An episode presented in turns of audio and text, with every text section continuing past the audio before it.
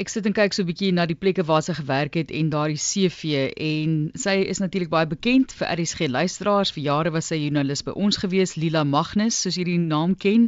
Sy was ook by Beeld by Mira 24 gewees vir 'n lang tyd en tans is sy in die Vrystaat in Rosendal waar sy hierdie hele nuwe rigting in haar lewe ingeslaan het met Benjamin's Waffle House, soos dit bekend staan. Lila, baie welkom. Is lekker om jou te gesels. Baie dankie Martelies en weer eens hallo aan die luisteraars. jy was verlede week ook op monitor want jy in 'n donkie was saam by die kerk ingewees. Vertel gou vinnig vir mense wat dit dalk misgeloop het, wat daardie storie was. Hoekom is hy in die kerk verwelkom? Ja, kyk toe ek Benjamin's die restaurant gekoop het, het ek twee donkies saam met die restaurant gekry. En die dominee van die kerk in Rosendal het gevra of ek dalk een van die donkies net deur die kerk kan laat loop die Sondag omdat hy gepreek het oor um, op die rug van die donkie was die tema en dan het nou gegaan oor nederigheid. En my Bastian donkie het soos 'n skou donkie deur die kerk geloop. Ek was so trots op hom. Hy het nie vasgesteek nie, hy het niks omgestamp nie. Hy het daar deur geloop asof hy dit elke dag doen.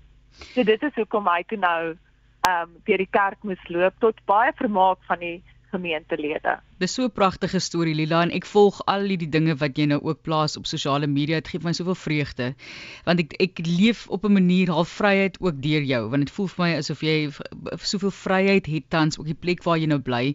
Maar al die jare soos wat jy ook die wêreld verken het, het ek agtergekom jy het 'n bietjie van 'n avontuurlustige mens wees binne jou. Is ek reg met daai aanname?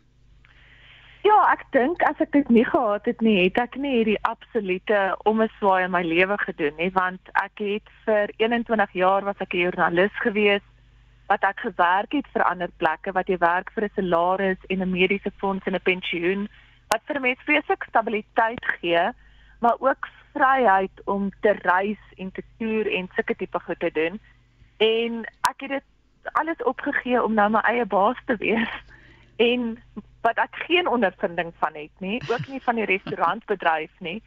So ja, ek dink 'n mens moet avontuurlustig wees om so ietsie aan te pak. Ek wil net sê geweldig dapper. Dit is die ander ding wat na vore kom want dit is 'n massiewe stap om te neem in jou lewe. Jy weet jy is 'n hierdie bekende joernalis en nou iewes skielik gaan jy Vrystaat toe en jy werk nou daar. So dit voel amper soos 'n klein hoewe wil ek sê, maar die restaurant wat jy nou moet bestuur en dan dink ek, "Waar kom jou ervaring van restaurantbestuur of van kos maak vandaan?" So vertel vir ons van daai stap, daai skuif, hoekom? Lila, hoekom het jy besluit om hierdie dapper skuif te maak? Weet jy Martelies, ek het as ek nou vir jou sê 'n jaar terug, het ek nie in my wildste drome kon dink dat ek 'n restaurant sou hê nie. Dit was nie iets wat ek in my beplanning gesien het nie. Dit was nie iets waarna ek ooit gedink het nie. Die naaste aan so iets waaraan ek op 'n stadium gedink het was dalk 'n gastehuis. En 'n vriendin van my het in September verlede jaar het sy Rosendal toe gekom om te kom kyk na 'n huis wat te koop aangebied was. En sy het gevra of ek wil saamkom en sê ek, naweek weg is mos altyd lekker. En toe kom ek saam en die huis is te toevallig ehm um, die die die man van Frik de Bejager. Hulle was daai tyd toe nou nog nie getroud nie. En ons het ehm um, sy het besluit om die huis te koop en ons het die Saterdag aand by Frik hulle geëet. En ek het toe klaar half besluit, hierdie daar's iets in Rosendal wat 'n mens net maak jou huwelik laat bly. En ons praat so en Frik sê vir my maar hoekom koop ek nie Benjamins nie? Ek sê ek voel maar my liewe aarde Frik, ek vermoed jy is van jou sinne beroof want wat weet ek nou van 'n restaurant bestuur af? Dis sê maar ek hoef niks te weet nie, die personeel is baie goed opgelei.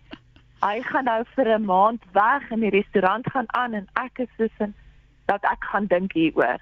Maar regtig, Martelies, ek sê dit was heeltemal uit die bloute uit, heeltemal from left field soos hulle in Engels sê. En ek kom toe nou terug in Pretoria en soos 'n uh, baie verantwoordelike groot mens van sien ek toe my finansiële raadgewer wat het vir my drie dinge sê. Hy sê toe eers vir my as ek sy eie kind was, het hy vir my gesê nee. Ek is te oud om so 'n drastiese skuif nou in my loopbaan te doen en 'n makliker manier om geld te verloor as om 'n plaas te koop is om 'n restaurant te koop. Dis ek sê nee, dis reg. Ek sal ek sal bietjie hieroor dink en hier is ek nou want ek het net besef as ek dit nie doen nie, gaan ek spyt wees eendag. En ek het op die oomblik het ek nie afhanklikes nie, ek het nie kinders nie. So dis net ek wat die risiko vat en daar's geen rede om dit te doen nie. Dis 'n nuwe uitdaging. Dis dis een van daai goed in jou lewe waar jou lewe kan aangaan soos hy aangaan of jy kan die short left vat en iets heeltemal anders doen en kyk wat gebeur.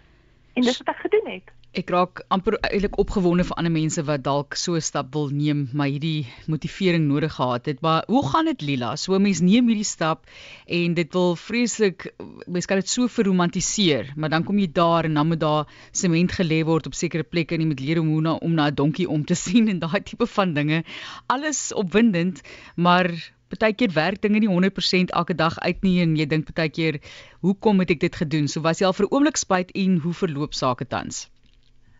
Maar Lies, weet jy, dit ek gaan nie vir jou jok nie. Is eerstens is baie ware mense verromantiseer dit om op die platteland te bly as in die stad bly.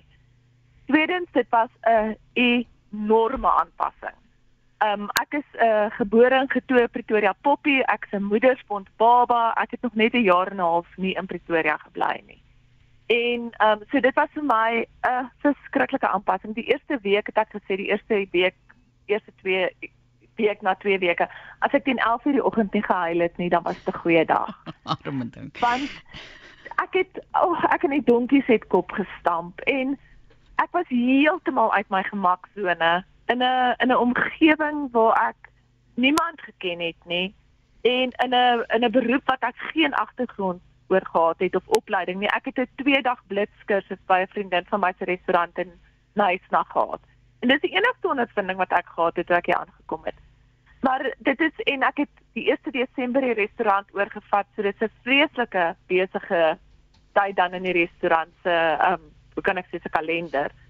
En dit was net so oorweldigend, maar ek het vinnig geleer want jy moet jy moet jy moet maar net jy moet sink of jy moet jy swem en ek het besluit ek gaan maar swem. En die mense in die dorp is daarin baie ondersteunend en het regtig nogal vir my gehelp. En dit gaan nou beter. Ek sê vir baie mense ek het laas jaar toe COVID nou so begin afneem en dinge lyk like, of ons weer op 'n stadium sal kan reis en so het ek gedink dalk moet ek nou maar net die geld vat en Europa toe gaan. Ek wil nog altyd Frankryk en Italië toe gaan. Ek moet dit dalk nou maar net doen want ons weet nou nie wat gebeur nie en dit is wat COVID ons nou geleer het. You never know what's happening. Nou is my droom om net twee hekke te hê wat behoorlik werk. So dit is hoe mense lewe verander. Ek wil net sê een van jou plaasings is by sodat lag is 'n foto en daar's 'n gat in die muur of 'n stuk hout en dit sê net dis die mooiste gat in Rosendal want ek het homself geboor. Dit was baie so mooi geweest. Ja. Ja, Lil. Dit is seker goed wat ek nou moet leer doen want daar is nie mense, ek weet dis dis jy's op jouself af van jouself afhanklik. Lila, jy het, jy het gesê jy was 'n Pretoria poppie en jy het nou geskuif, maar ek ek ek wil tog net 'n bietjie stil staan daarby by jy het baie media aandag gekry toe jy geskuif het, want ek dink mense idealiseer die situasie en jy het met baie media mense ook te doen gehad en stadsmense en uitbranding is nogal 'n belangrike faktor en mense oorweeg dit dikwels as hulle versadigingspunt bereik het om te skuif. Het jy miskien 'n paar wenke vir mense weet jy sê nou jy as jy nie voor 11 uur gehuil het nie, was dit 'n goeie dag. Dat dat 'n mens ook maar besin as jy so skuif doen. Weet jy, ek dink 'n mens moet. Ek eh, ehm um, mens moet na baie dinge kyk. En ek weet mense in die stad sukkel ook nou met water en elektrisiteitsprobleme en sulke tipe goed. Maar byvoorbeeld in Rosendal, as dit begin reën, dan begin die mense al vra wanneer kom die uh, kan die ou van Bethlehem nie al begin ry om ons krag te kom regmaak nie want ons weet die krag gaan afgaan. En dit is wat dit is nie die groot ding nie. Die ding is as jy in die stad is is die die gemak om 'n winkel naby jou te hê is eh, ek mens neem dit net aanvaar dit nie. Dit is dis nie eens iets waarna jy dink nie. Waar is dit so ver? My naaste winkel is 40 km van my af op 'n baie baie slegte pad. So dit is sulke tipe goed wat vir my nogal 'n groot aanpassing was ek dink as 'n mens se skuif moet maak, moet jy ehm um, 'n bietjie meer navorsing doen. Gaan bly eers vir 6 weke of 'n maand op die plek waarna jy wil trek. Kyk hoe is dit?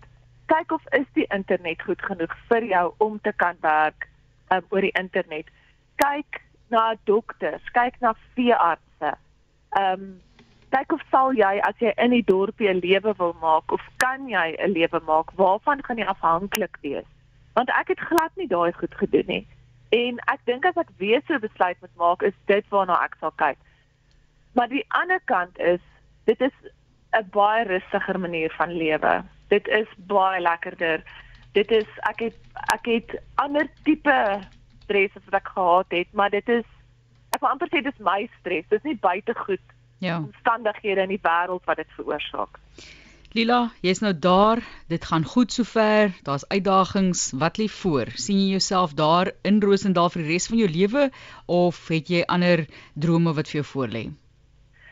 Kyk op die oomblik, ehm um, fokus ek op die restaurant. Ehm um, ek uh, ek het 'n paar planne met die restaurant wat ek wil doen. En as die restaurant op sy voete staan, wil ek definitief weer begin vryskut journalistiek doen. Ehm um, ek het al baie gewonder of sal ek weer terugtrek na 'n stad of iets doen, maar ek twyfel. Ek glo nie ek ek ek het 'n 'n paar planne soos 'n 5 jaar plan vir die heel eerste keer in my lewe en ek is nou 46. Het ek 'n 5 jaar plan. Ehm um, So vir eers gaan ek hier bly en ek wil kyk of ek dit kan laat realiseer en dan sal ek maar van daar af sien waarheen Hmm. dan. Maar jy- nou dat ek hierdie stap gedoen het, is ek baie minder bang om iets heeltemal buite my gemaksone te doen. Kyk, het jy nou 'n Oos-Vrystaatse vulseltjie vir daai wafels van jou of is dit nou maar net 'n Amerikaanse tipe wafel of hoe? O nee, nee nee nee nee nee. Nee, ons het die beste wafels in die Oos-Vrystaat. Moet ek dan net gou 'n bietjie verniet reklame doen vir my restaurant. Maar ons het 'n Boboti wafel en ons het 'n uh, briekkaas met Weskusvye wat regtig van die Weskus afkom met spek en maple syrup. So wafel. So ons het baie meer tradisionele tipe wafels as net soos roomys en arbeie. Wat ons ook het, ons het 'n peppermint crisp wafel ons het 'n uh, banoffee wafel is nou 'n bietjie meer Amerikaans, maar ja, nee, ons het baie meer tradisionele tipe Ek, wafel. ek soek hier peppermint crisp Ja, asseblief. ek Dis wat ek soek asseblief. Ek ek kan nie dan laas ek 'n wafel geëet. Soet en sout, dis absoluut fantasties, maar Ja. ek hou- onthou daai daai heerlike kraakvars wafels wat 'n mens gekry het. Later het mense dit oral in kettingwinkels gekoop, maar dan is dit so papperig, jy weet hy Nee, Hy is so ons lekker. ons wafels vars met eiers en meel en karringmelk en al daai tipe goed vars vars. Hmm, baie kunstenaars in daai omgewing Rosendal ook lieflik om deur te ry en om 'n naweek van Johannesburg af so so binne trefafstand van die palle om 'n bietjie in daai wêreld rond te ry Clarence en af te gaan tot by Rosendal en Momanshoek is ook daar naby. Ek was al 'n uh, hele paar keer daar. Fantastiese plekke en in die herfs daai kleure in die sandsteen. Ja, oh, dit is dis 'n die Oos-Vrystaat, daai hooglandroete is een van my gunsteling Nou, plekke en met 'n wafel nou wat jy kan eet. Daai is nou 100% verromantiseer Lila dink ek so. Ek dink ons ons laat mense met daardie gedagte en ons hoop regtig dat dit baie suksesvol is vir jou in die toekoms en dat jy eendag tyd ook iewers in Frankryk in daai plekke uitkom om jouself ook daar uit te leef. Ons sien uit daarna om jou stem weer te hoor of dit nou op skrif is en of dit nou in stem is as joernalis, maar baie dankie vir inspirasie vandag. Ons waardeer dit. Baie dankie vir die oproep en vir die kuier. Dit was baie lekker.